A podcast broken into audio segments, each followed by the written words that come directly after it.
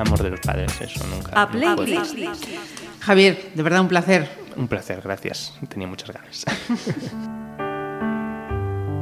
non hai cancións de verce para dormir Non hai mistos para fundir Os pesadelos entre as sombras Que habitan as esquinas do xardín Están aquí As Saudos temos eh, a un pontevedrés adicado á docencia, pero tamén o cinema e sobre todo a música, nunha playlist como esta. Severiano Casal de Rei Conde, benvenido de, de novo. Sí, xa van varias veces. Nada, todo un placer estar aquí outra vez, sin dúbida. Eh, se pregunto un orden para estes eh, tres elementos, Podes priorizar eh, música, docencia e cine.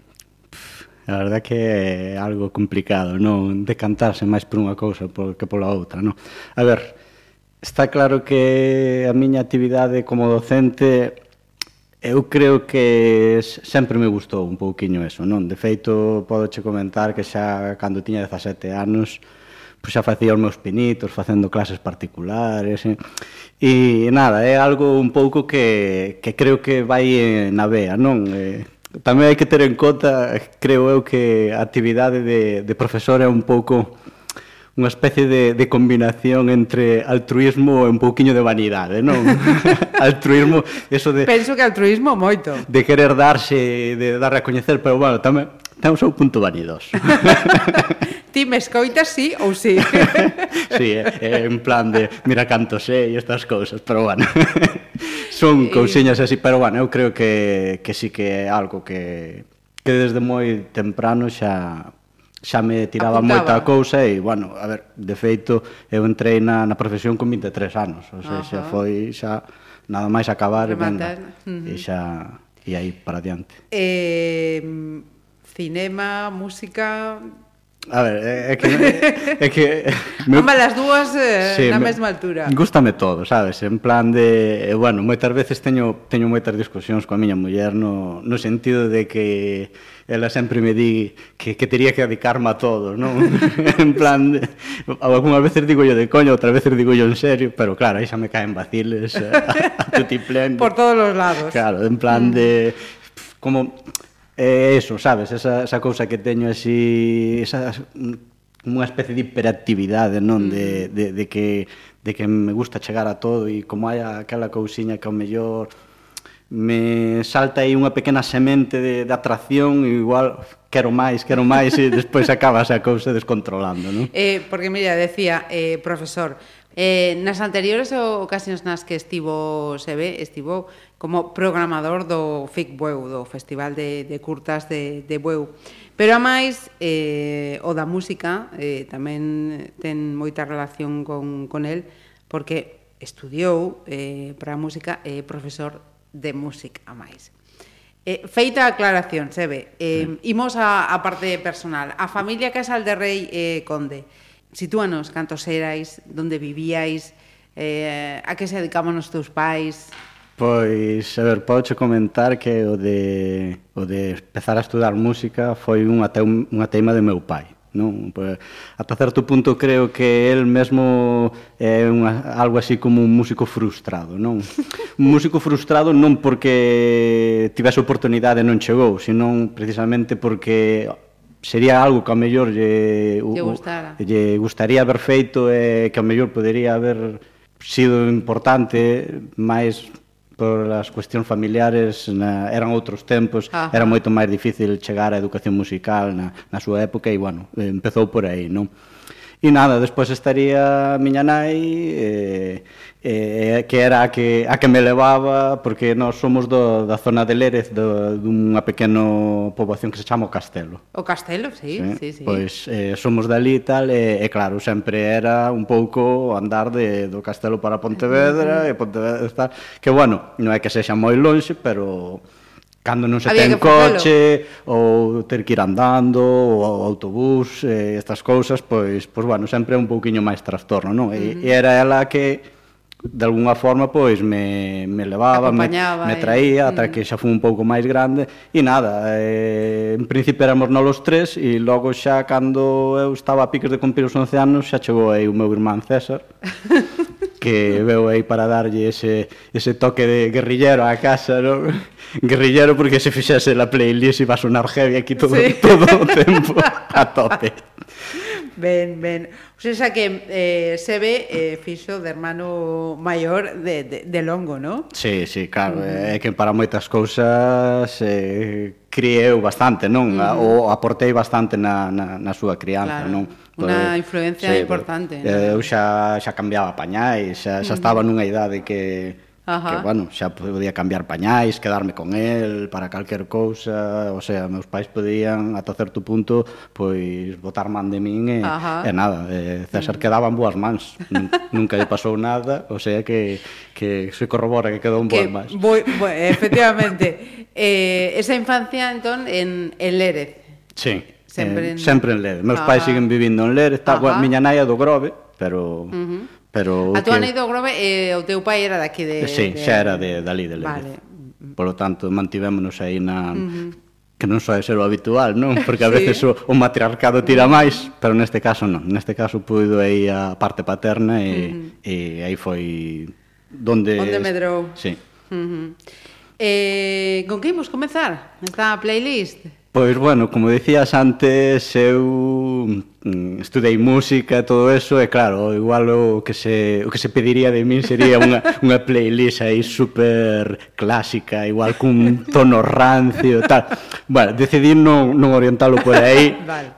pero polos espectadores un pouco pois, busquei unha cousa digamos, un pouquiño máis lixeira que uh -huh. o clásico, pero tampouco sin caer no... Uh -huh no, no derrumbe total, non?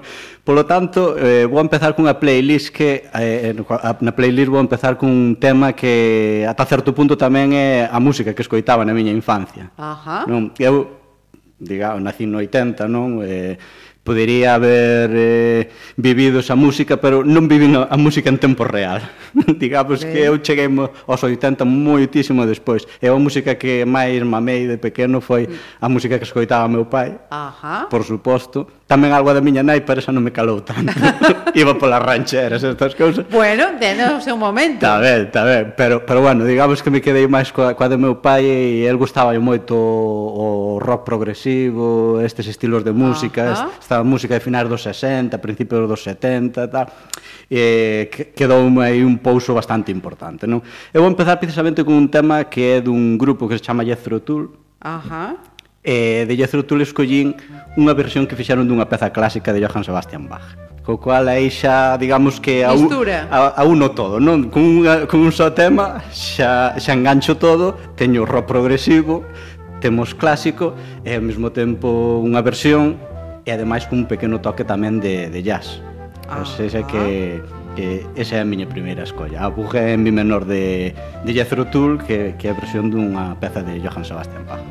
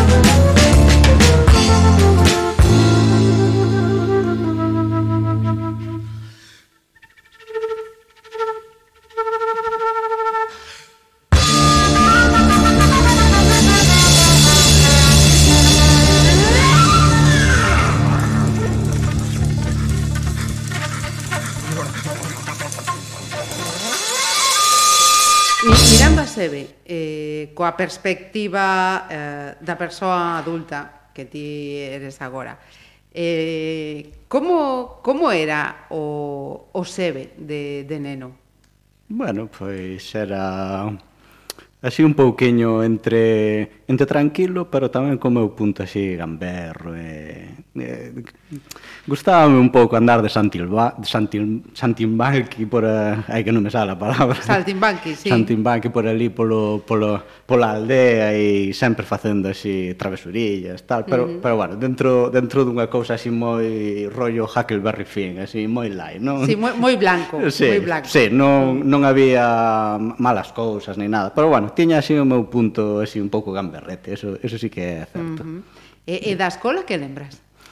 Bah, pois da escola realmente pouco, así, normal, tampouco non teño así ningún recordo que, que digamos é super... Porque ibas á escola aí en Lérez? Ou... Sí, iba á escola de Lérez, uh -huh. a escola que era antes era chamábase Colexio Pedra Picada, e uh -huh. despois pasouse a, a redenominar como Colexio San Vieito de Lérez, uh -huh. que é o nome da parroquia ali da, a cal pertencíamos nós. Uh Eh, é nada, bah, normal. E, e, e os amigos da, da infancia? Os amigos da Ainda infancia, están, o... a verdad que, que, que foron, foron caendo polo camiño, sobre todo os da escola. Os uh -huh. da escola sí que eran máis amigos viciños, non? Todos de por ali. Sí que recordo que que tiñamos así un grupiño, tiña un amigo bastante, que, que bueno, tivemos a nosa etapa bastante forte, así, de, de estar bastante xuntos, que era un rapaz que chamaba Daniel, non? E con el so, tiñamos aí unha, unha cousa co, con Queen, eh, tivemos a nosa etapa Queen, aínda que Queen non vai sonar hoxe. Advertencia. Eh, se ve, e, e se pide un, un recordo grato da, da tua infancia, que ven a cabeza agora mesmo? Oh, Pregunta difícil, eh? un ten que haber, ten que haber moitos. Un recordo grato, así, un recordo que... Pois, eu creo que así, un recordo bastante importante era a vinculación ou estas primeiras películas que iba a ver ao cine, eu creo que, ah. que é unha das cousas así que, que teñen un certo pouso, non? A ver, Eu acórdome, podo recordar, así lembro con bastante alegría cando fora a ver a terceira de Indiana Jones mm. con meus pais e me impactara bastante, non? Xa coñecía un pouquiño de, de ver na televisión a, a segunda, que é o a Darca Perdida rememorei unha máis tarde porque mm. era do 81 a película, eu nací no 80, claro, eh, moi estaba, pequeniño, estaba, claro. Estaba moi, moi pequeno, pero outras cousas, sí. Pero sí que sí que teño un bo recordo de cando fóramos a ver en familia Indiana Jones e eh, eh, la última mm. cruzada que aínda éramos tres só, pero foi no 89, pero despois tamén recordo que fóramos a ver, eh, enlazaríamos, seguiríamos con Spielberg a lista de Schindler, tamén que a fóramos Carai. a ver o Teatro Malvar. Aí xa tiña 13 anos, sí que era unha película que non é para un rapaz de 13 mm. anos, eh, foi dura en algún momentos, pero pero que tamén deixou algo aí. Eh, así que esas, esa, esa relación co cine, ver o cine en pantalla grande, Isto, isto é unha anécdota, non? De cando eu tiña tres meses, polo visto meus pais foron ver ao cine Gombiz, foron a ver Ben Hur. Eso sí que é un pouco tal eu está claro non que... Non me digas que, que lembras. Con tre... No, eso contaron. bueno, pero polo visto, polo visto o morto cargaron yo o, o acomodador. Sí. pero ali estuven 4 horas con 3 meses vendo Ben Hur, co cual eu creo que xa a, a raíz de xa a cousa... Quedou, xa, tiña que ser, xa apuntaba, tenía que ser. Te, xa apuntaba, que ser. sí. Sí, señor. Eh, mira, eh, imos coa segunda selección.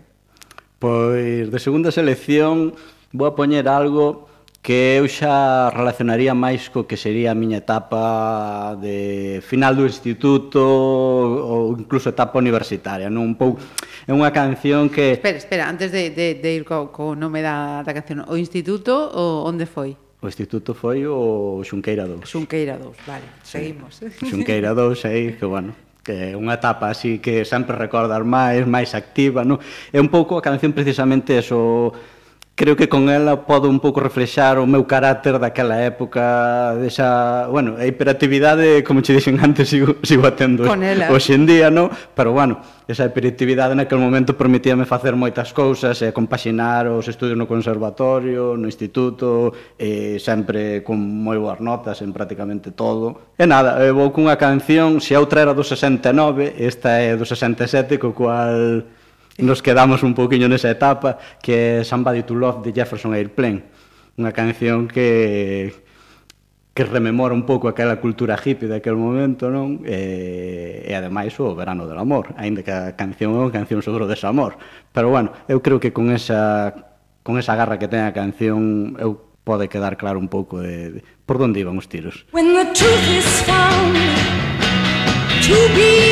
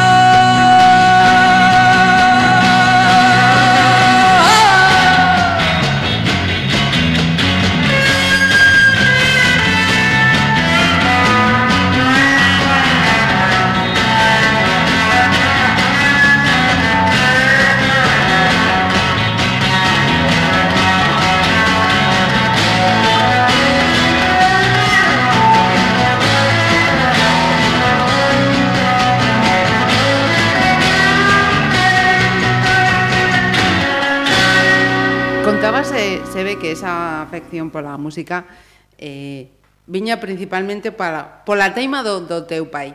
Pero eh, e que era a tua nai quen eh, iba contigo as, as clases, eh, lembras a, a primeira vez que chegas a, a esas clases de, de música? Ese primeiro día?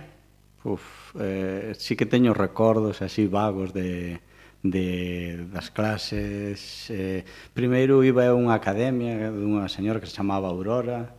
Ali incluso miña nai facía algún traballo para poder compaxinar e poderme pagar as clases, todo hai que dicilo, non? Porque na miña casa tampouco non é que economicamente a cosa estuvese moi bollante, non? E sempre houve que axudar, pero despois xa cando fun eu máis grande tamén sí. era eu xa o que aportaba un pouco o diñeiro para poder pagar matrículas, estas cousas, Eh, bueno, sí que recordo que, que ali había un ambiente moi bo, realmente. Era unha academia así pequena, pero pero que si sí se respiraba un ambiente, non? Quizás non era super, o, o, que, o que demanda super profesional, pero bueno, sacábanos adiante e aquí estou, non? Ajá. Empecé ali, despois xa, xa conseguín entrar no conservatorio e tamén... Con re...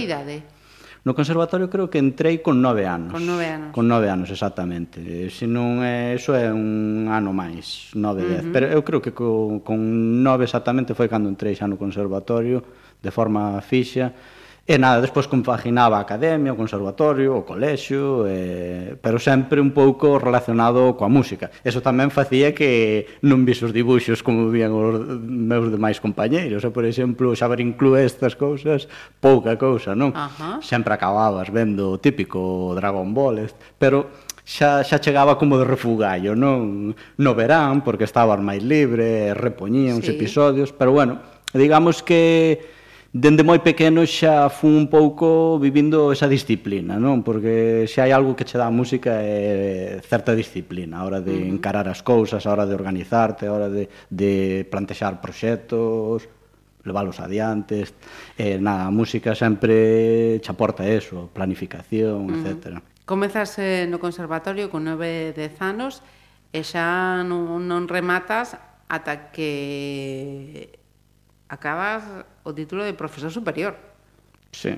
Sí, vai, vai todo, todo seguido, non? Eh, sin parar, eh, eu remato con a universidade con 22 anos e o título superior de, de piano acabo con 23. Uh -huh. O piano por qué? Eh, naquel momento era prácticamente o solamente se ofertaba ou violín ou, ou piano. Era uh -huh. casi estaba a cousa como moi polarizada entre os dous instrumentos que era dous instrumentos que viña de tradición decimonónica como os grandes instrumentos, hoxe en día un rapaz pode estudiar calquer instrumento, uh -huh. como se quer estudiar incluso acordeón ou gaita. Hai, uh -huh. hai enseñanza de gaita profesional nos conservatorios, igual que os dos instrumentos clásicos. Pero naquel momento había aquelas dúas opcións. Mira, e... imos eh, con outra das túas pezas. Pois agora eh, casi vou escoller unha peza que mm, que un pouco tamén estaría relacionada co, co mundo do, do rock progresivo, Seguimos. pero é unha peza que, que, que lle teño bastante cariño polo feito de que fun a, a ver o concerto en directo. Ajá. Un concerto dunha gira que houbo no, no 2000, pois, 2010, creo, 2011 ou algo así. E, bueno, sempre eu son, fun moito de, de ir aos concertos, todo eso. Concertos, podo che dicir que desde os 15 anos, creo, 15 ou 16, non recordo. Ao principio iba con meu pai moito, despois xa empecé a ir, xa iba eu a veces eu só, despois xa iba acompañado por da moza, de, eh, eh, estas cousas, non? Pero bueno, eu creo que, que claro, a maior parte deses concertos aos cales iba tamén eran concertos de clásica, moitos deles. En Pontevedra había bastante oferta. Non sei como está a cousa hoxe en día, uh -huh. pero mm, pues, estou che falando pois eso, do ano 96 ou 2004, que foi do, a miña última etapa en Pontevedra xa uh -huh. chegando a adulta, non? Eh, A peza que traigo é de outros concertos pois que fun tamén de así máis de, de temática rock, non? E escollín unha, un, unha das pezas míticas do, do muro de Pink Floyd. Pero, bueno, non me fun ao... E onde foi este concerto de Pink Floyd? Pois foi na xira do Roger Waters, pois eso, 2010, 2011, algo así. Unha xira que empezou en Lisboa e fixo toda a Europa. Pero foi en Lisboa? E este, foi, o, o que fun eu fun, foi en Madrid. A Madrid. Foi ah, en Madrid ah. que fomos miña muller máis eu ali a disfrutar do concerto espectacular, uh -huh. aquelo ali, a posta en escena, tremendo, porque, porque claro, ti, ti coñeces un pouco a historia, todos vimos a peli e tamén, eh, pero así vivir algo en directo eh, con aquelas características porque uh -huh. aquilo era pirotecnia pura e dura sobre todo eh, o, que é o, todo a ópera rock non está construída en dous actos que bueno, serían os dous, os dous CDs do, do, do álbum o, uh -huh. eh, eh, no primeiro acto están durante todo o primeiro acto construindo un muro uh -huh. en directo. E despois hai un momento do segundo acto no cal o, Rompe. o destruen con tal. E precisamente a peza, se non me lembro mal, a que eu escollín, que non é Another Brick in the Wall, uh ah. -huh. que é o que igual espera todo o mundo, é cando o momento no que o protagonista está aí deprimido e, e, e se destrue o, mundo, o muro que é Comfortably Numb. Sí, é unha peza das poucas precisamente porque neste momento Roger Waters era o que levaba o peso do grupo. Pero este é curiosamente das poucas que compuxo David Gilmour. E, bueno, eu creo que agora vamos a escoitar os, os solos de guitarra eléctrica están considerados como un dos máis grandes solos de guitarra eléctrica da historia. Así que xa, xa vamos a disfrutar desa, desa canción eh, con eses solos, que seguro que vai gustar a todos.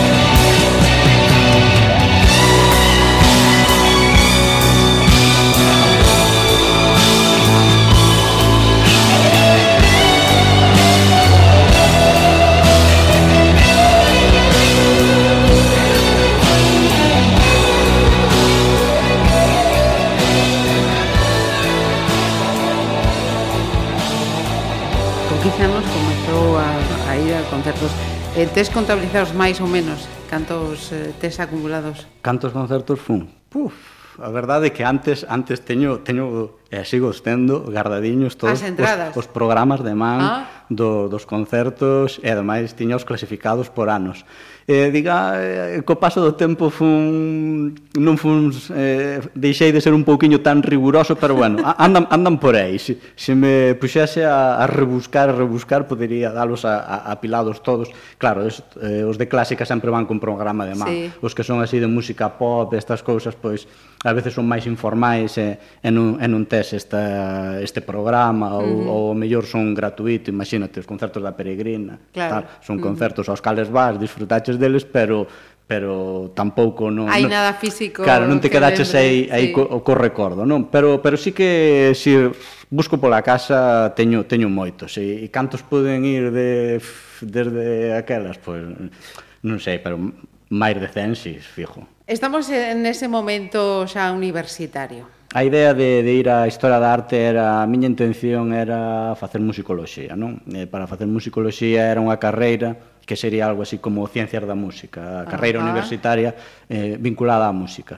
Pero era unha carreira de segundo ciclo, que naquel momento funcionaba eso do primeiro, do segundo ciclo, tal, era unha carreira de segundo ciclo, e pedíanche que primeiro tiveses un primeiro ciclo completado, que podría ser ben a diplomatura de, de mm, como se chama, de magisterio uh -huh. ou ben unha carreira pois máis ou menos vinculada como poderia ser historia da arte.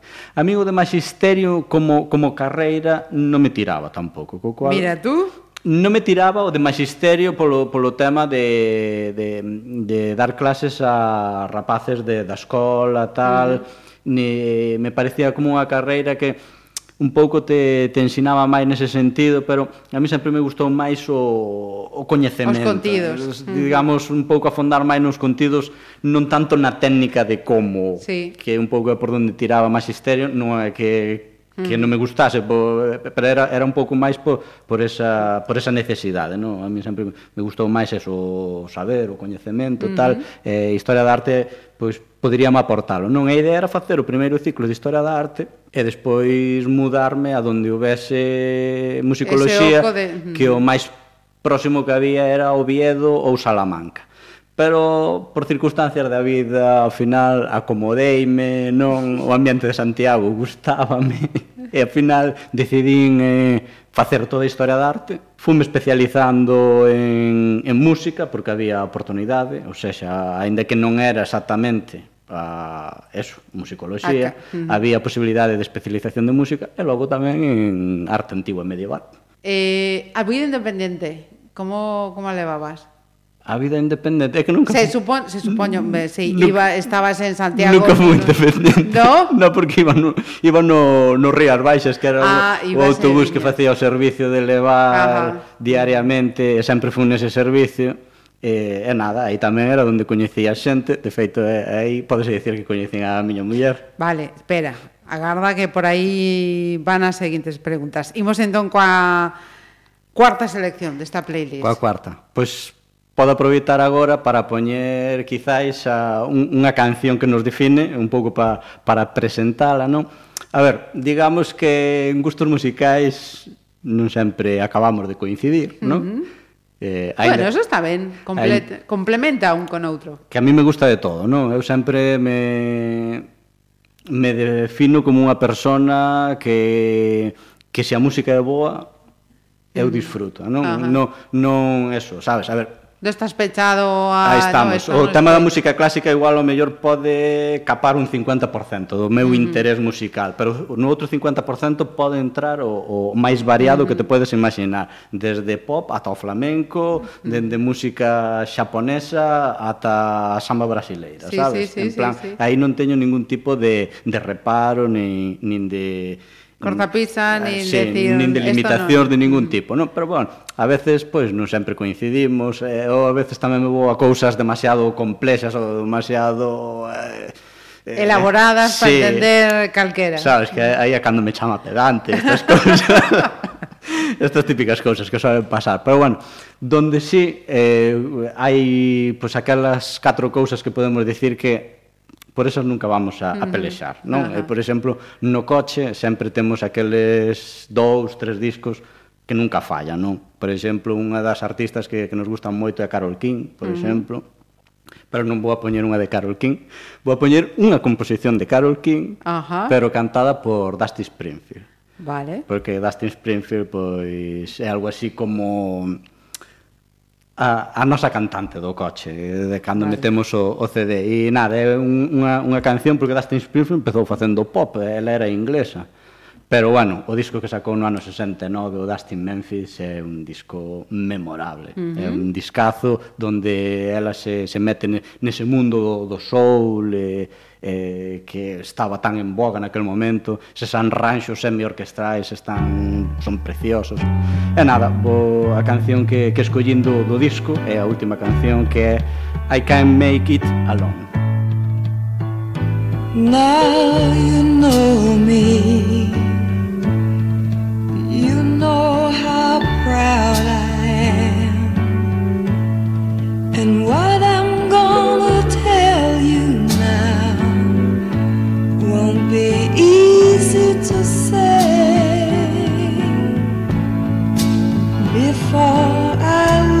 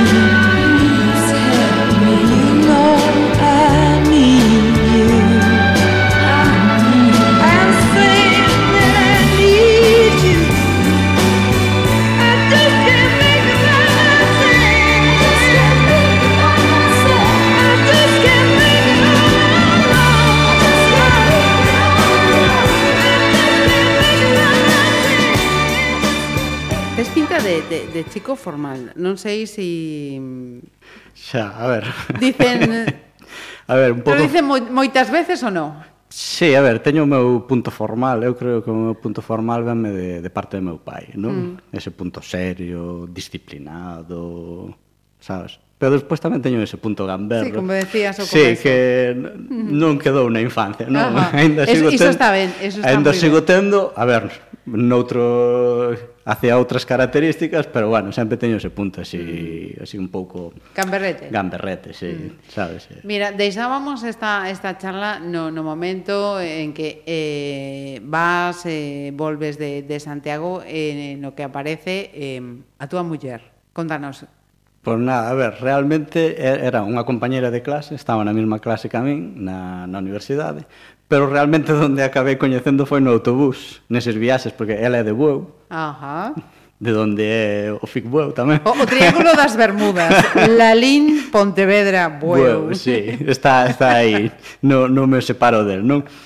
E nada, nes, nesas viaxes, porque ela tamén a partir dese ano empezou a ir e vir, sí porque tiña así un puntillo mal estudiante a veces.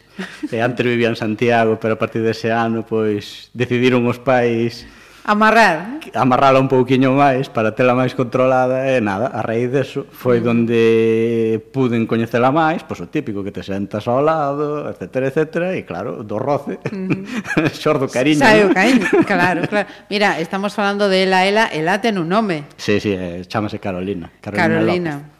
Sí. Eh, Carolina, entón, eh, e quen foi quen sentou o carón de quen? Carolina ao lado de Sebe ou Sebe ao lado de Carolina?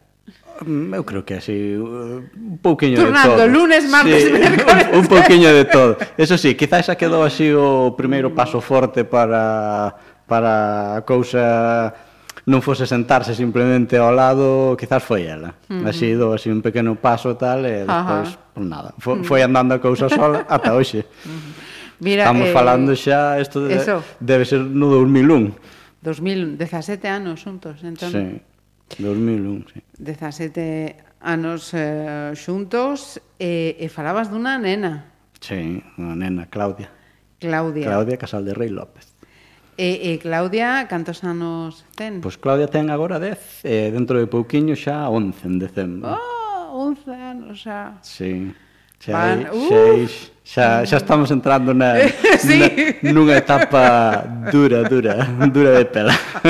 Pero bueno, vais levando. Ah. Hai que pelexar aí con ela para que faga as cousas. Mm. Mira, e, e como muda a vida cando, cando aparece Claudia? Home, muda, pero para ben. Uh sempre, sempre para ben, porque desde o 2003 que empezamos a vivir xuntos, Uh -huh. Ela nace no 2007, tuvemos eses 4 anos, non? que vivimos sós, tal, pero bueno, despois chega Claudia e... Uh -huh. eu, eu ainda recordo cando primeira vez que non la traen, non? a min viñeron máis lágrimas aos ollos, e, uh -huh. sabes, unha emoción impresionante, non? Uh -huh. e, e nada, e, sí que unha rapaza eh, que a veces dá un pouquiño de traballo, De, a ver, é moi boa, pero ten ese punto rebelde, non? Ten Como pai? Ese... non, eu era gamberrete. Ela é rebelde xa, directamente. rebelde Como sin, nai. Rebelde sin causa. Non, tampouco ela é moi rebelde. Eh? Mm. Non vais a pensar, ela é moi tranquila, moi mm. aposentada, non... Ajá. Sería eu levado á rebeldía.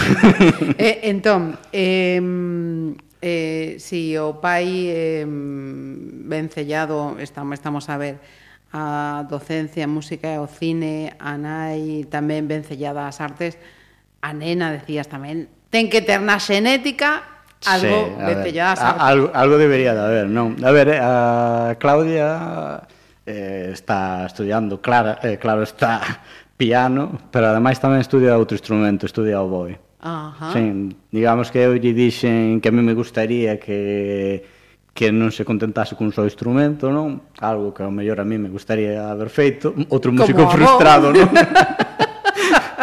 Algo que a mí me gustaría haber feito é que non, non o fixen porque naquel momento non había oportunidade e eu comentei, non? E aí foi cando lle dixen, pois a ver que segundo instrumento escollemos, non? E... Mira, eh, estamos na mitad na tabla. Cal é a quinta selección desta Pois pues agora voume decantar por escoller unha canción que ata certo punto me vincula con Claudia. Ajá, xa que ben. estivemos falando con Claudia, é unha canción que nos encanta os dous, habería moitas, non? Por exemplo, a ela o thriller encanta moito de Michael Jackson, podría haber sido esa, non, non é? A ela gusta moito o mundo dos zombies, porque ela de, desde, desde pequena houbo eh, íbamos a, as galas de entregas do mestre Mateo, non? E houve un ano que fixeron unha performance ali como de que había ao teatro un ataque zombi e tal, e desde aquela colleu o gusto aos zombis. Estamos falando de, de cando tiña cinco anos ah, Caramba. ou seis anos, non? E desde aquel momento sempre lle gustou moito esa, esa movida dos zombis, funlle poñendo as pelis de zombis que podía ir vendo, Ajá. así un pouco dosificadas, non? E, e bueno, Thriller de Michael Jackson era unha das cousas Mítico. que, que tiña que acabar caendo, non? Claro. Pero non sería Thriller, tamén lle gustaba moito cando era a época dos Jackson 5, non? Ah. Eh, I Want You Back é unha das mm. cancións así tamén tamén mítica para ela, pero decanteime por algo un pouquiño máis clásico. Outra canción do 67. Sabes que o 67 está, está aí permanente. É, é un ano que que que é un eterno retorno. Este caso é unha canción de amor de, de Marvin Gaye. Ajá. Unha canción de amor de Marvin Gaye que, que cantaba a dúo con Tammy Terrell, que foi unha chica que morreu a moi tempera idade, morreu no ano 70, tiña 20 e pico anos e de feito a Marvin Gaye a raíz deso tivo unha depresión e, e estivo moi mal polo tema. Despois retomou e sacou os seus discos míticos What's Going On, o Let's Get It On que son os da... pero bueno, eh, o que nos vincula a Claudia e a min é esta canción do ano 67 que é No moi tan high enough que é un dos clásicos da, da Motown e, é un pouco engancha co, co ese gusto que teño tamén polo soul que a, a miña música negra encántame non? e bueno, eu creo que con esta canción pois, Vencelle ao pai e a filla. defínenos bastante ben aos dous.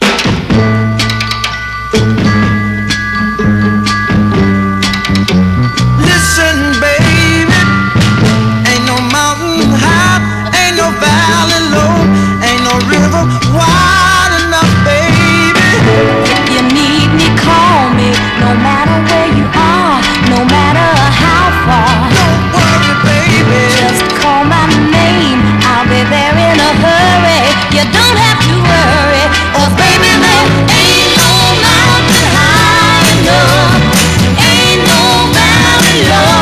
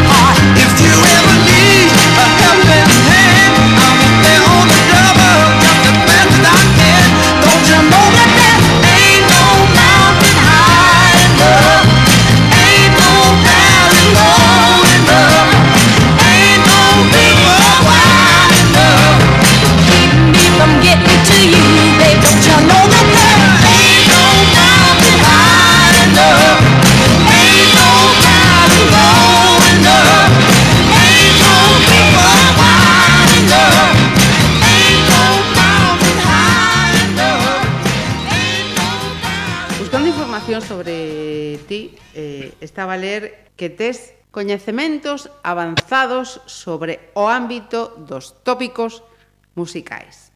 E dende a máis absoluta ignorancia, pregunto, que é isto? Pois é unha boa pregunta. Coñecementos avanzados en tópicos musicais. Non sei onde o faches, pero gustoume, sí. Pois, eh, Unha destas cousas que un día me pica a curiosidade, sabes, sempre tendo a acabar no, no coñecemento enciclopédico, digamos que, eu, por exemplo, no século das luces sería feliz. No, no, vamos. Facendo a primeira enciclopedia. Por nada, os tópicos musicais é, é moi fácil. É, como os tópicos literarios, pero levado á música.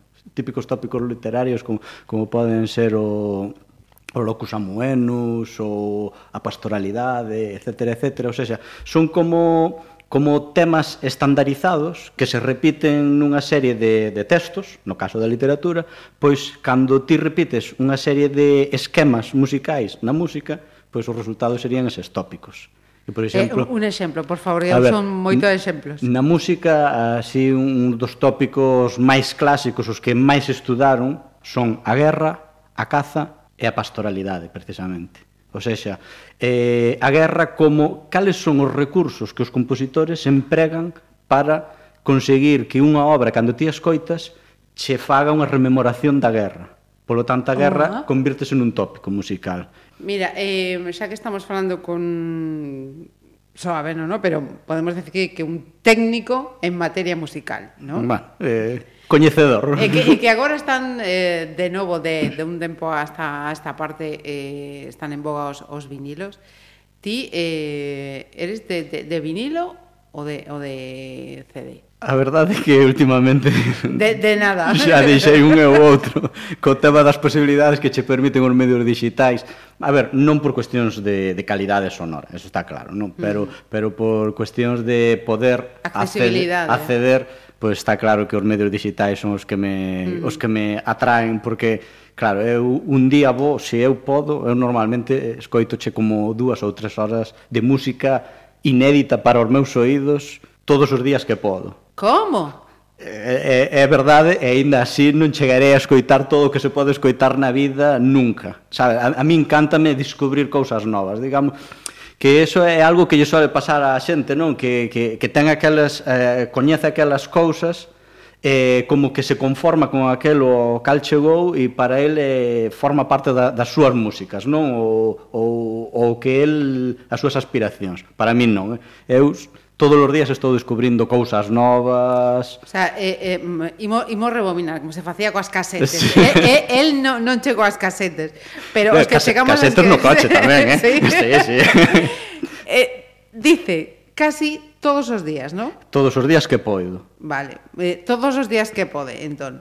Escoita dúas ou tres horas Sí, sí, eu, de eu sempre falo... Cosas que non, nunca escoitara. As miñas pesquisas, investigo a fondo, etc, etc, e sempre intento eso, descubrir eh, cousas novas que, que dirás ti, xa, xa despois de escoitar tantas cousas, pois xa non habrá nada que che sorprenda.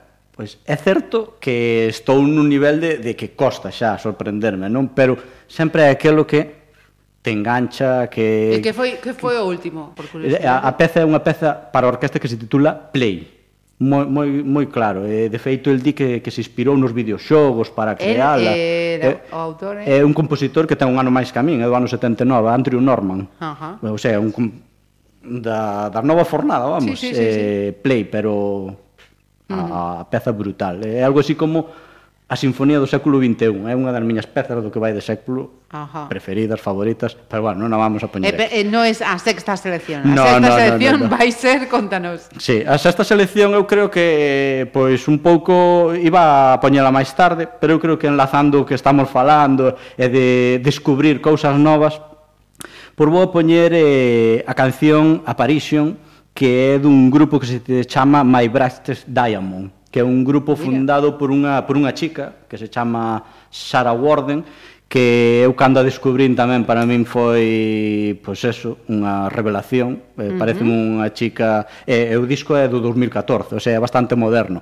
Para min falar destas cousas tan modernas vindo do mundo da clásica eh, é difícil acadar algo con un nivel de calidade que que vaya en consonancia pois, co, co que, co, coas cousas que, que xa pasaron antes. Pero, bueno, eh, esta rapaza eu creo que, que ten un talento enorme, E ten uh -huh. cousas tanto no grupo como en solitario, o grupo é dela tamén, como sí. que en di, ten unha ópera, unha ópera rock eh, neobarroca incluso, fai cousas así como, como tamén eh, moi eclécticas, mestura de estilos. Eh, ela ten formación académica, o sea, casi como unha voz operística, uh -huh. pero despois mestura con, con sonoridades de folk, con sonoridades de jazz, con sonoridades de, de alternativo, rock alternativo, é un pouco é eso, o típico eclecticismo que é o que máis tira uh -huh. hoxe en día, é un pouco o meu discurso tamén do xendía, non? Que son un defensor da, da posmodernidade no sentido de, de mestura de cousas, tal. Ah. Que me este escoitando me conozca un pouco xa se vai a re. Co cual, bueno, eu creo que, que o tema fala por si sí solo, así que vamos a escoitalo. Eh, titúlese Aparicio. Seraphim in tears dreaming in the calm bows at their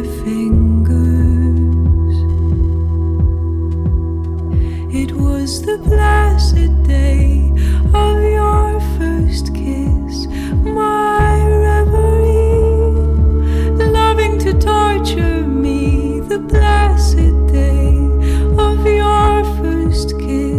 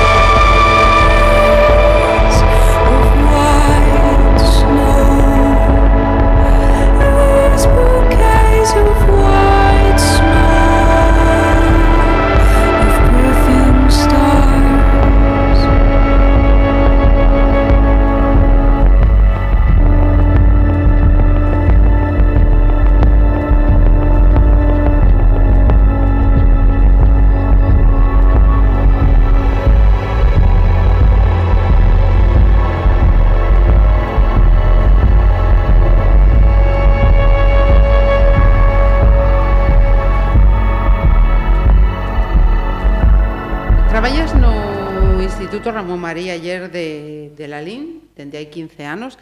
E, o de Lalín foi porque tocou e podería ser eh, calquera outro sitio ou foi elexido? Eh, sí, realmente foi casualidade da vida. Eh, o primeiro ano, cando despois de aprobar a suposición no, no 2003, estuve un ano, estivemos, porque uh -huh. xa, xa, xa fomos Estabas a, eh, con Carolina. Eh, con Carolina, xa fomos a vivir xuntos, eh, estivemos en Lugo. Ajá. Pasamos un ano en Lugo, sí, un ano así normalillo, non? Lugo vina así que non tiña tanta actividade cultural como Pontevedra, pero bueno, como así, digamos, ano de primeiro ano de, de casados, non? Pois uh -huh. estaba ben. foi interesante, non? Eh, e bueno, tamén a miña primeira toma de contacto co, uh -huh, coa ensinanza pública, non?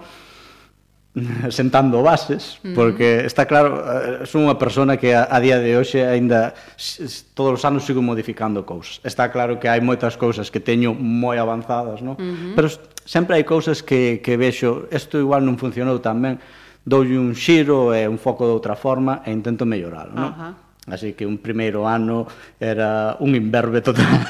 Pero bueno, bueno como, como todos na súa profesión cando cada, comezan. Cada un fai o que pode. E nada, e despois xa o segundo ano xa nos afincamos en Lalín, era o máis cerca que, que me deron de Pontevedra. Ajá. E, e, bueno, co paso do tempo vimos que era un bo lugar donde asentarse, porque ao fin e ao cabo donde un vive ao longo do ano traballa e despois mm. nas, mm. nas vacacións pois xa nos mudamos sí, para ver a, a, a para... familia mm. ou o que mm. sexa, sabes, como eh, miña familia está toda en Pontevedra, pero por exemplo, ela ten familia en Bueu, claro está tamén, pero algunha familia tamén a ten en Madrid, co cual Ajá. movémonos un pouco e, e bueno, como todo hai que dicirlo, teño unhas posibilidades de vacacións máis grandes do, do normal, pois tamén che permite eso, pois... Ajá.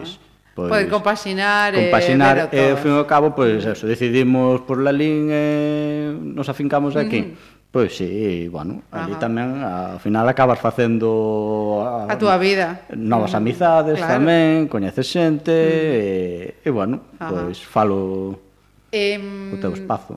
E despois de, de 15 anos eh, como profesor, que é o que mm, mas o co que máis disfrutas da, da docencia? Co que máis disfruto? Home, pois A min gustame eso, co comunicar, pois achegarlle cousas a aos rapaces, non? Pois, sobre todo tendo en conta como está a sociedade tan tan pensada ne, nesas nese espírito mainstream e todo eso, pois un pouco Eh, aporto o meu grano de arena pois para darlles a coñecer cousas que de outra maneira nunca escoitarían uh -huh. ou práctica ou sería moi difícil que non escoitasen e de algunha forma tamén intentar pois nucularlle eh, eso, esa, esa cousa de que de que sexan capaces de aprecialo, non? Uh -huh. Eu sobre todo unha das cousas que que creo que son máis importantes e que traballo moito, non é o único que fago, é o, o tema da audición, é, é intentar é, é ensinarlles as escoitar, o sea, que, que aprendan a escoitar eles. Mm. E, e, que, e que cando escoitan algo sepan que ali está sucedendo isto, isto e aquelo, sabes? Mm. E, e, que, que son cousas que no, nos estilos musicais ou nas músicas eh, son hai aqueles esquemas que se repiten e que de alguna forma conseguir facer deles pois uns eh, digamos consumidores un pouquiño pois selectivos Sí, eh, un pouco selectivos e, e, e que sepan o que están escoitando, non? Que non escoiten aquelo, se conformen, sexan conformistas e inocularles tamén eso de, de que intenten buscar máis, máis non? Non, non se acomoden non se consigue sempre. Pero, Pero bueno, eu creo que nestas cousas conseguilo a 100% sería unha utopía totalmente, pero no momento que o consigues Ainda que Con sexa un, un 5% sí. ou unha porcentaxe ainda por moi baixa que sexa, mm. eu creo que algo xa xa se logra, mm, non? Sí. Eh, e pola contra, os sinsabores? Sin sabores. A veces hai que lidiar un pouco, pois, eso, co, co rapaces que, que se pechan totalmente, que non que hainos, desgraciadamente hainos, non que que eles chegan ali, están ali porque ten que estar, porque están obligados, eh, pero se se negan a facer nada, o cual é unha actitud pois que contra eso non podes loitar. Mm. Entendes? Sí. Porque porque é unha actitud totalmente eh prejudicial para eles, porque ali vai a ter que estar sí ou sí. Mm -hmm. Eu creo que se ti tes que estar nun sitio sí ou sí, pois aproveita pois, o que podas.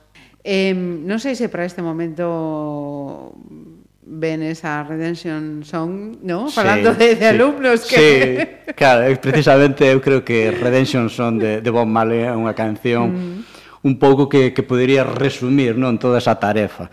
Tanto por un lado, porque na canción falase da, da liberdade, da liberdade de pensamento, liberdade de expresión, mm. sabes, de, de, de persoas libres. Eu creo que unha das grandes labores, eh, en definitiva, da, da, da, da educación é, é eso, é crear persoas capaces de, de, de pensar, non? que a veces é unha materia pendente. Uh -huh. Non sempre se logra como se quere ou, ou non sempre se logra case nada, non? Pero eu creo que debería ser unha das partes fundamentais da, da educación, non? De, de formar xente con capacidade crítica, con que, que defenda a liberdade, etc, etc. E, e nada, eh, Redemption Song, ademais, eh, fala desas cancións redentoras, non? Mm. Eu no, mi, no meu traballo, pois vou a poñer moitas cancións. O sexa que eu creo que é unha canción fundamental, que por certo é unha canción escrita no ano que eu nacín, é do ano 80. Das, das últimas cancións que fixo Bob Marley xa estaba enfermo, el morreu o ano seguinte. Uh -huh. E, bueno, tamén se ve un pouco ese, ese carácter así depresivo que ten, pero pero quizáis o mellor do, mm. do tormento sale a mm. xenialidade e, e a canción vale a pena. Estáis a ver que, que estamos diante de unha playlist moi didáctica, eh? Así que imos con Bob Marley e a última lección, a lección número 7. All pirates, yes, they rabbi sold I to the merchant ships. Minutes after they took I from the bottomless pit, but my hand was made strong by the hand of the Almighty. We forward in this generation triumphantly. Won't you help to sing these songs of freedom? Cause all I ever have redemption songs, redemption songs. Emancipate yourselves from mental slavery. None but ourselves can free our minds. Have no fear for atomic energy, cause none of them can stop the time. How long shall they kill our prophets while we stand aside and look? Ooh, some say it's just a part of it. We've got to fulfill the book. Won't you help to sing these songs of freedom? Cause all I ever have redemption songs, redemption songs, redemption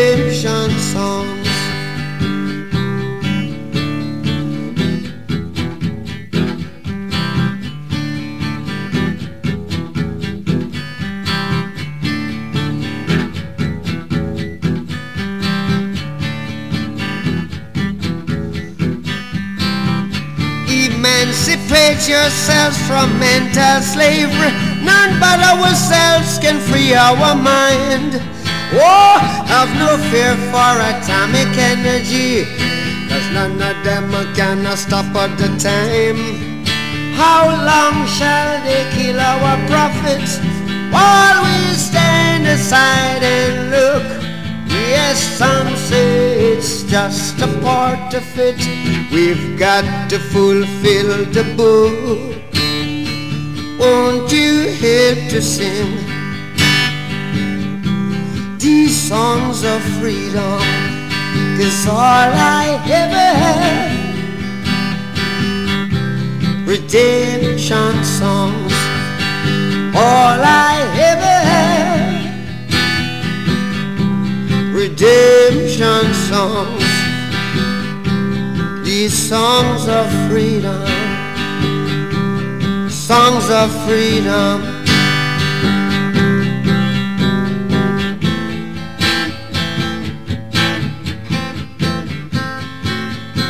Pois eh, imos con outro dos apartados da, da vida de Sebe, que é o cine. Falaba ao comenzo mm, de Indiana Jones, de la lista de Schindler, e preguntaballe tamén eh, cantos concertos fora a ver. Una pregunta seguro que, que é imposible resposta. Eh, cantas películas tes no teu currículum? Cantas? Corto, curtas non, porque xa sei que son centos cada, cada vez que ven o, o FIC, Así que mm, longametraxes. Pois pues eu, mira, a verdade que é casi eh, casi che podo respostar ¿Sí? con, con números, sí. Pois eu son moi metódico. non sei se quedou claro xa. eh, bueno, intento ver aproximadamente como uns 400 longametraxes anuais. 400 novidades O sea, o mesmo que coa música Pero tamén co, co mundo do cine Para que a xente vai a pensar Este tipo non fai outra cousa Bueno, hai que saber organizarse, non? Todo é cuestión de organización sí, sí. Eh, eh, Precisamente a organización eh, Aprendina gracias á música Ajá. Eu creo que, que cando máis A ver, eu cine vin desde pequeno moitísimo eh, Como meus pais vía cine en branco e negro Tal Pero quizás o meu gran resurdimento no cine Sexa vinculado ao mundo dos cortos Uh -huh. Eu era desas persoas que pensaba que os cortos era un produto menor. É algo, no, no, no me dá vergoña dicirlo, porque é algo froito da ignorancia, pura uh -huh. e dura, é algo que creo que o susanei cos anos, non? De, de ter ese pensamento. Eu creo que foi alá polo ano 2006, 2007, foi cando tiven aí como un contacto con unha serie de, de curtametraxes uh -huh E aí foi cando me empezou a picar o gusanillo. Curtametraxes que a día de hoxe son moi básicas, uh -huh. o mm-hmm. sea, non sería o que hoxe consumiría. Ajá. Pero foron o suficientemente hábiles como para captar a miña atención e despois ir medrando. O, o que mm-hmm. falábamos antes de Tchaikovsky ou de Queen, sí, pois sí. A, as curtametraxes que, que van un pouco ne, nesta onda, non? Mm-hmm. Uh -huh. Algúnha curtametraxe de animación, porque eu de feito nesto de, de, de programar cine empecé... Pero, pero, vale. que va máis adiante, vale, que non vale. esqueci... Bueno, estábamos falando de longametraxes, eh, non? Aí, aí. estábamos falando de longa. Pois eso, intento ver 400 longametraxes ao ano. Ese é un pouco o, o a media. O que eu me plantexo. E, e bueno, a día de hoxe cantas podo levar vistas en total eh, películas diferentes 400 ao ano por venga, mm, Debo... modo 1, 2, 3 400 películas ao ano por por poñámoslle 20 20 anos, eh, eu creo que a día de hoxe debo de andar rondando as 6.000 películas O sea, que pedir una, una película favorita, eso sí que é, É complicado. Misión imposible. É complicado, pero bueno, hai aquelas películas así que, que, che, que, che, que te atrapan, non? De feito, de feito o próximo tema será sobre música de cine, uh -huh. porque é case obrigatorio, Toca. pero aí sí que me atopei con un problema, a ver que, que tema escollía de, de, de música de cine, porque Home, mm, para que para, 400 películas ao ano, para que mm, cadrase, para que cadrase ben na, na selección, non? E diría que será algo máis vocal. Por eso, por exemplo, un a min dos compositores de cine que máis me me, me flipan Williams. de sempre e, e, e foi un compositor que non o coñecín ata a facultade, uh -huh. que era Bernard Herrmann. Ajá. Bernard Herrmann pareceme o number one dos number ones. Así que Williams tamén me encanta e de feito me Vangelis. vou, vou contar outra anécdota. Este é un paréntese, non? Sí. Sabes o que eu facía cando era pequeno, bueno, de, de 10 anos, 11 anos, algo así, que tiña meu pai gravadas a, a triloxía de Star Wars original, tiña gravada en vídeo beta. Pois o que facía normalmente era poñer os títulos de crédito de, de calquera das tres, pero sobre todo da, da de El Imperio Contraataca, ou seja, o episodio 5, a do medio, poñía os títulos de crédito porque nos títulos de crédito aparecían todos os temas da película conectados un detrás de outro, como se fose unha peza eh, en forma de rapsodia. Ajá. E encantábame poñer eso unha outra vez, dáballe para atrás, eu creo que as cintas ralleinas, eu, e, e, e, o vídeo tamén o fastidiei, eu, e eso poñía moitísimo, porque, porque me encantaba. E, pechamos o paréntesis, Bernard Herrmann, e claro, Bernard Herrmann poderíamos incluso enlazalo con algunha peli favorita miña, porque Bernard Herrmann, por exemplo, unha das miñas pelis que, que me encanta, e aquí, aquí tería unha discusión con Manuel, porque Manuel Manuel di que non lle parece... Está a falar de, de Manuel Pena, sí, director do FIC. Non lle parece tanta cousa tal, eh, que é Ciudadano Kane. Ajá. E Ciudadano Kane que supuxo o debut Mm. de, de Orson, de Orson Welles, Welles tamén supuxo o debut de Bernard Herrmann uh -huh. no mundo do cine, porque eles os dous traballaban para ai, para a CBS creo que era. Ora sí que me, sí que me pillas aquí nun renuncio, porque facía, non sei se si, si oiches falar do La Guerra de los Mundos, que sí, era un, un claro, serial radiofónico. Claro, efectivamente, toda pues, unha revolución eh, claro, a historia da radio. Eh, pues, no, xusto, estou falando cunha muller da radio e eh, preguntes... bueno, pois, pues, perdón. no, en absoluto. pois, pues, precisamente, ne, nese, neses con quen traballaba xa era con Bernard Herrmann, porque Ajá. Bernard Herrmann dirixía a orquesta, eu creo que era a CBS, agora vámoslo poñer aí o dato, eh, entre uh -huh. comillado porque non, non me lembro fixo. Uh -huh. Pero ele era o director, eh, traballaban xuntos e tiñan unha relación bastante próxima, tanto Bernard Herrmann como, como Orson Welles, e despois cando chamaron os da RKO para facer Ciudadano Kane, pois el levou consigo a, a, a, a Bernard Herrmann. Pero bueno, Bernard Herrmann despois tamén é archiconocidísimo polas súas colaboracións con Hitchcock. Uh -huh. e, e aí, de, de feito, Hitchcock eu creo que en Cortina Rasgada que Cortina Rasgada iba a facela do ano 66, iba a facela Bernard Herrmann a partitura, creo que botou fora porque houve aí un, un choque de egos. Co cual dixen, quen é un dos grandes da historia da música de cine? E aí saleume o nome de Ennio Morricone. Ah. Ennio Morricone non podía faltar E, eu estaba pensando noutros, pero mm, serán máis máis sí. No, a ver, pensei en Moon River, pero dixen eu, Moon River a mí non, non me representa para nada. Está moi ben, Harry Mancini é moi mm. é un gran melodista, todo o que queres, pero el éxtasis del oro. El éxtasis del oro que ademais, aínda que é bastante instrumental, sí que é un unha canción ou un tema como bastante operístico, ten ese toque operístico de, de epopeya e que, que tamén facía Sergio Leone no, nos seus Spaghetti Westerns.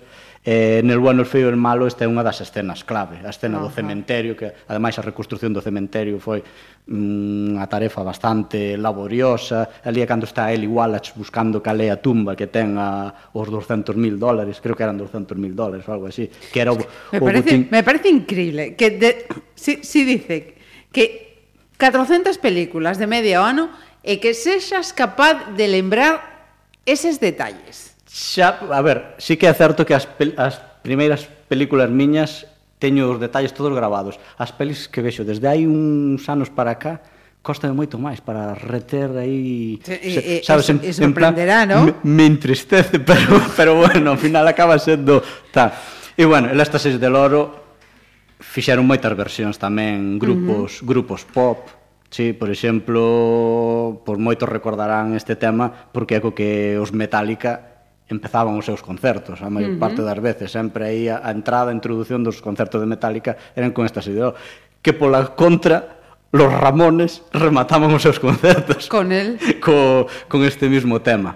Pero bueno, eu creo que é un tema que ah, lle vai gustar a, a todo o mundo eh, ten uns coros que son bastante chulos, pero sobre todo eu a xente diríalle que se quedase coa voz de Eda del Orso. Eda, Eda del Orso é unha señora coa que traballou moitísimas veces Morricone, que ela non canta como se fose de forma vocal, ela fai uns vocalís e intenta que a súa voz semelle como outro instrumento máis. Uh -huh é unha das cousas tamén que fixo que os Spaghetti Westerns tivesen esa sonoridade tan característica eh, gracias a este traballo que esta conxunción que facía Morricone del Orso. E bueno, agora xa aproveitando que estamos eu creo que a xente pode apreciálo perfectamente.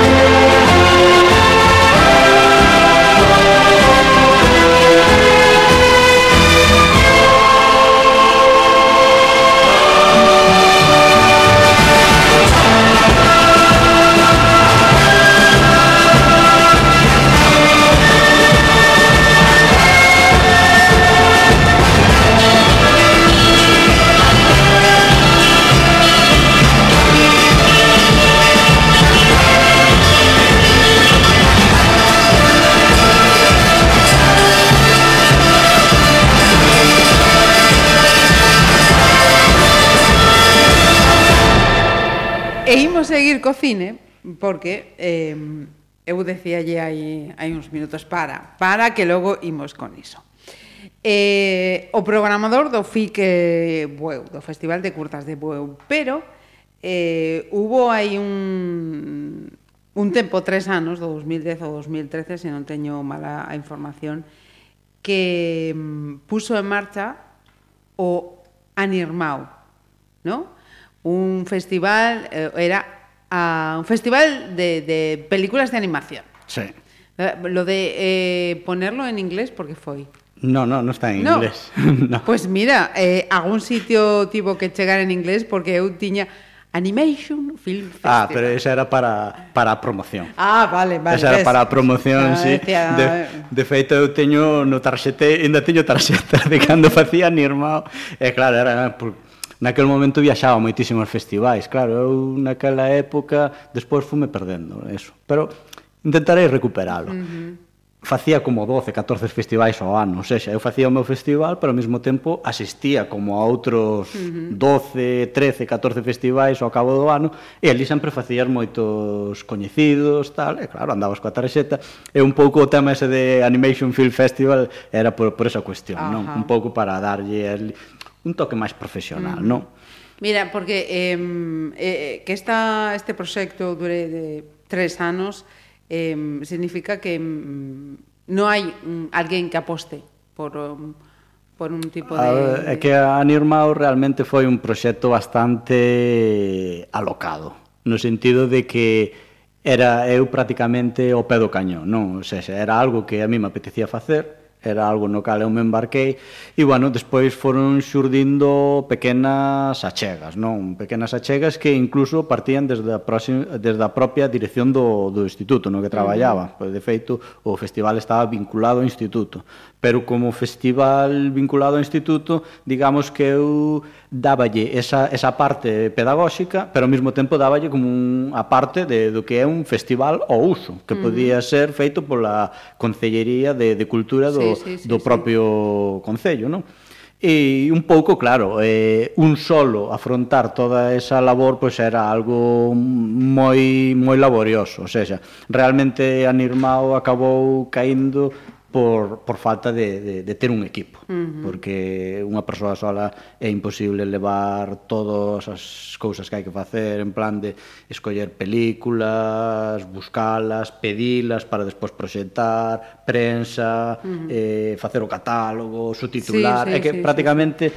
eh, todas aqueles detalles facía o seu, non? E despois había algunha axuda económica para porque tiñamos premios económicos e, e todo. Eso sí que sí que aí no nese sentido non había problema. Pero uh -huh. bueno, bueno, eu creo que eh, faltou ter un equipo, quizáis tamén lle faltou ao Concello implicarse un pouquiño máis, uh -huh.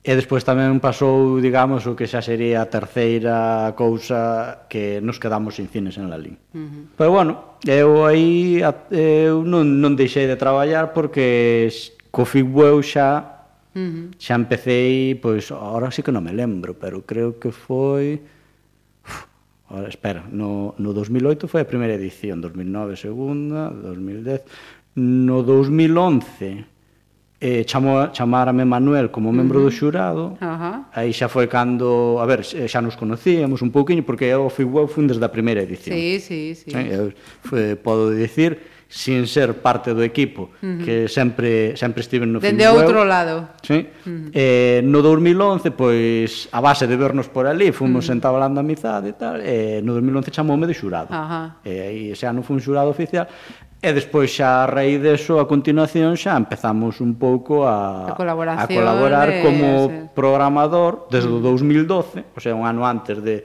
de pechar de que a, terminaron a Nirmao. De pechar a Nirmao e ata hoxe en día e a novena selección. Sí, pois mira, ahora mesmo precisamente xa que falei de, de Manuel, do, do FIC, tal, e incluso podería leválo a, a, o título que teño previsto podería leválo a, a, a maior parte dos meus amigos en xeral, non?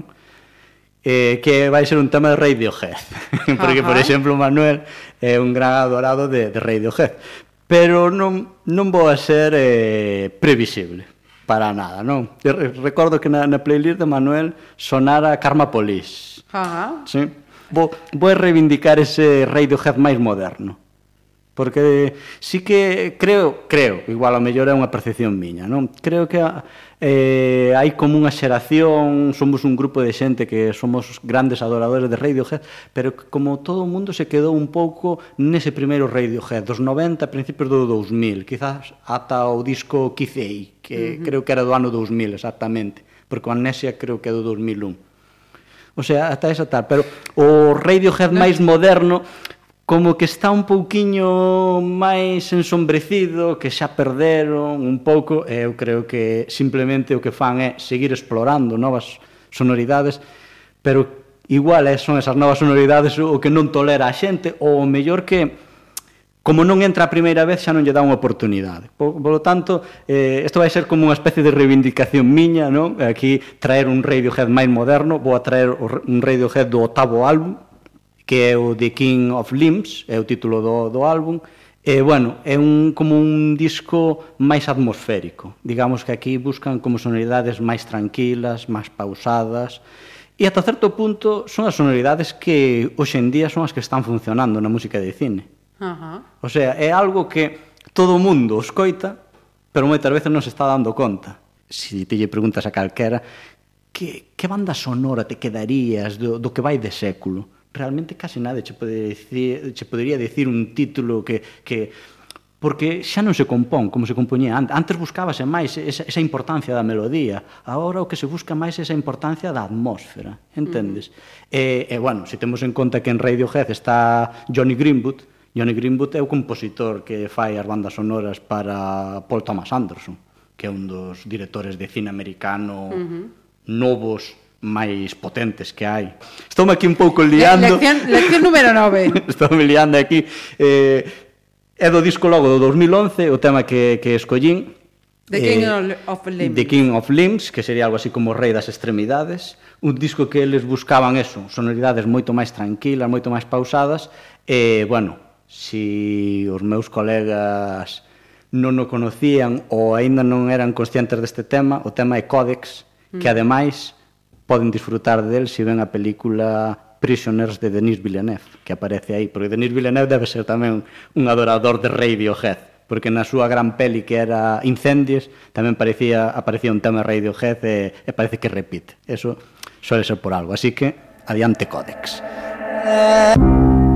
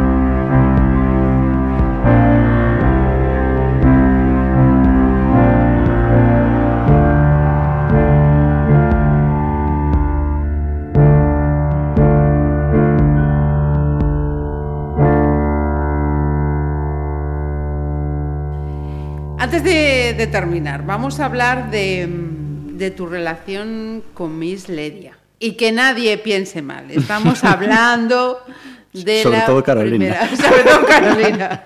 Pero Carolina, en cuanto diga Miss Ledia, ya sabe Sí, que estamos sabe de hablando. vai. Efectivamente. Non sei se por ou por desgracia tamén.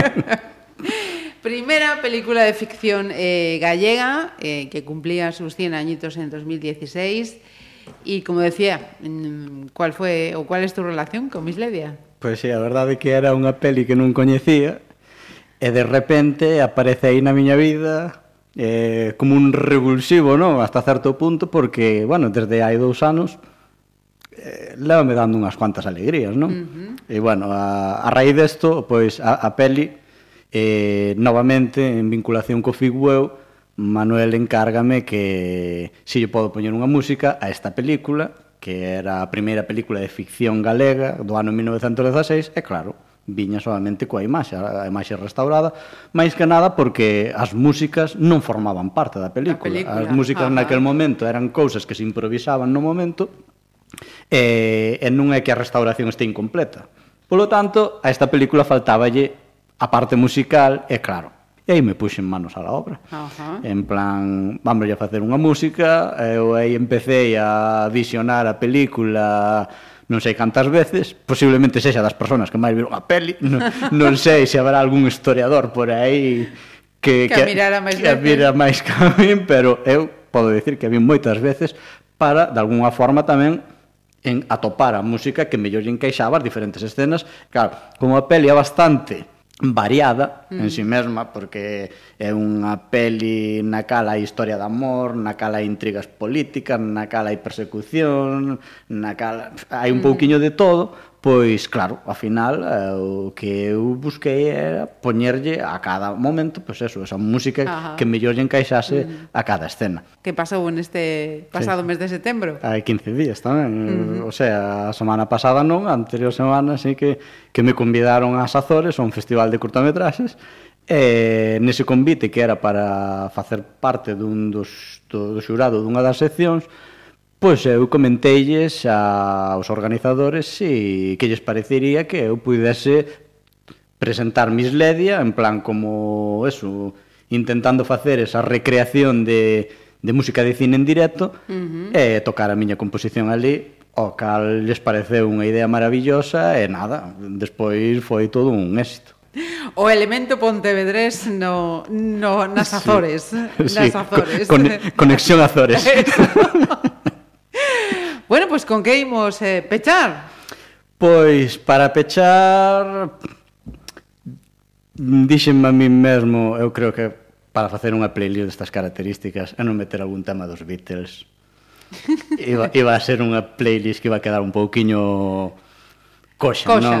Así que os Beatles teñen que aparecer, pero como eu non son para nada tampouco así eh. ortodoxo, que no, Beatleiano sí, pero a ver, tampouco non a miña relación cos Beatles non é de mitómano. Ajá. Todo hai que dicilo, non, pero recoñezo que son están aí na historia son, da música son e... un punto claves, uh -huh. son fundamentais, o mesmo que os Rolling, que os Rolling tamén estiveron a punto de, de aparecer por aquí, co Sympathy for the Devil, pero Claro, eh, eh me tens que chamar outro día para facer outra playlist. play. A min de, de títulos quedaseme, quedaseme moi curto. E, e nada, e, pensei nos Beatles, pero eu creo que hai un tema dos Beatles que é o tema dos músicos. Ajá. Uh -huh. Sí, eh, é bono definir así.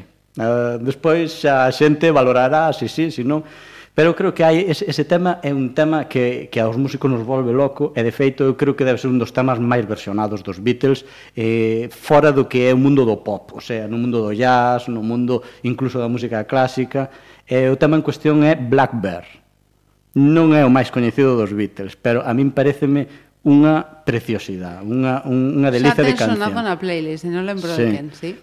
Eu creo que esta canción un pouco po, polo seu carácter podolle dedicar a, me, a miña nai, non? O mesmo que a primeira canción pois podería ir para meu pai, por, uh -huh. porque entroncaría máis cos seus gustos, aínda que miña nai non é unha Beatlemaníaca tampouco, pero un pouco polo carácter, igual o, o, o enlazo con, con miña nai. E parece ser que Paul McCartney, que é o autor da canción, dixo que para compoñela se inspirou na bugué que sonou na primeira canción. Ah, Polo tanto, temos ah, aquí ah, como ah, un, unha, un círculo perfecto para enganchar, e ademais engancho con meus pais, non? E logo tamén, claro, eh, a canción original eh, é unha canción que pola súa, polo, pola pista esquerda, o sea, o que sona no, polo, polo audio do esquerdo, escoitase un tac, tac, tac, que moitas persoas creían que era un metrónomo, e realmente é o pé de Paul McCartney, marcando o pulso. Ah. Está marcando o pulso. Pero como che dixen antes, e non son para nada ortodoxo, eh, escollín para, para a canción unha versión de jazz, e así tamén remato cunha versión instrumental, sí? ainda que a maior parte dela, eh, sacando a de Morricone, que podría estar entrecomillada, ainda que hai voces, esta sería outra, outra peza instrumental, igual que a primeira, Unha versión de jazz que fixo Brad Meldau, que é un dos pianistas de jazz máis potentes que, que te podas atopar hoxe en día. É unha versión que xa debe ser do ano 97, creo. Estuve duvidando se meter esta ou meter unha versión que ten el mesmo do ano 2010 con Anne-Sophie von Otter, que é unha soprano clásica impresionante, pero que ás veces fai os seus pinitos na música máis lixeira, pero non, eu creo que, que pode ser unha boa forma de acabar con este Black Bear en versión de, de Brad Meldau, así que... Lección magistral. Eu non digo máis. Para os que queiran. Se ve. Aí está, Black Bear. Moitas ah, grazas. Os Beatles para músicos. De nada, moitas grazas a ti por convidarme.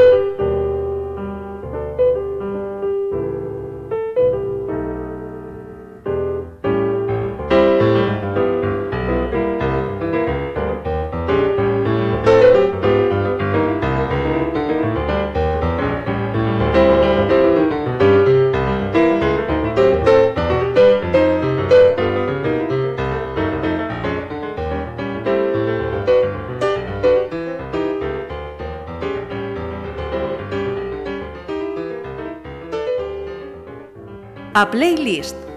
Pontevedra Viva Radio.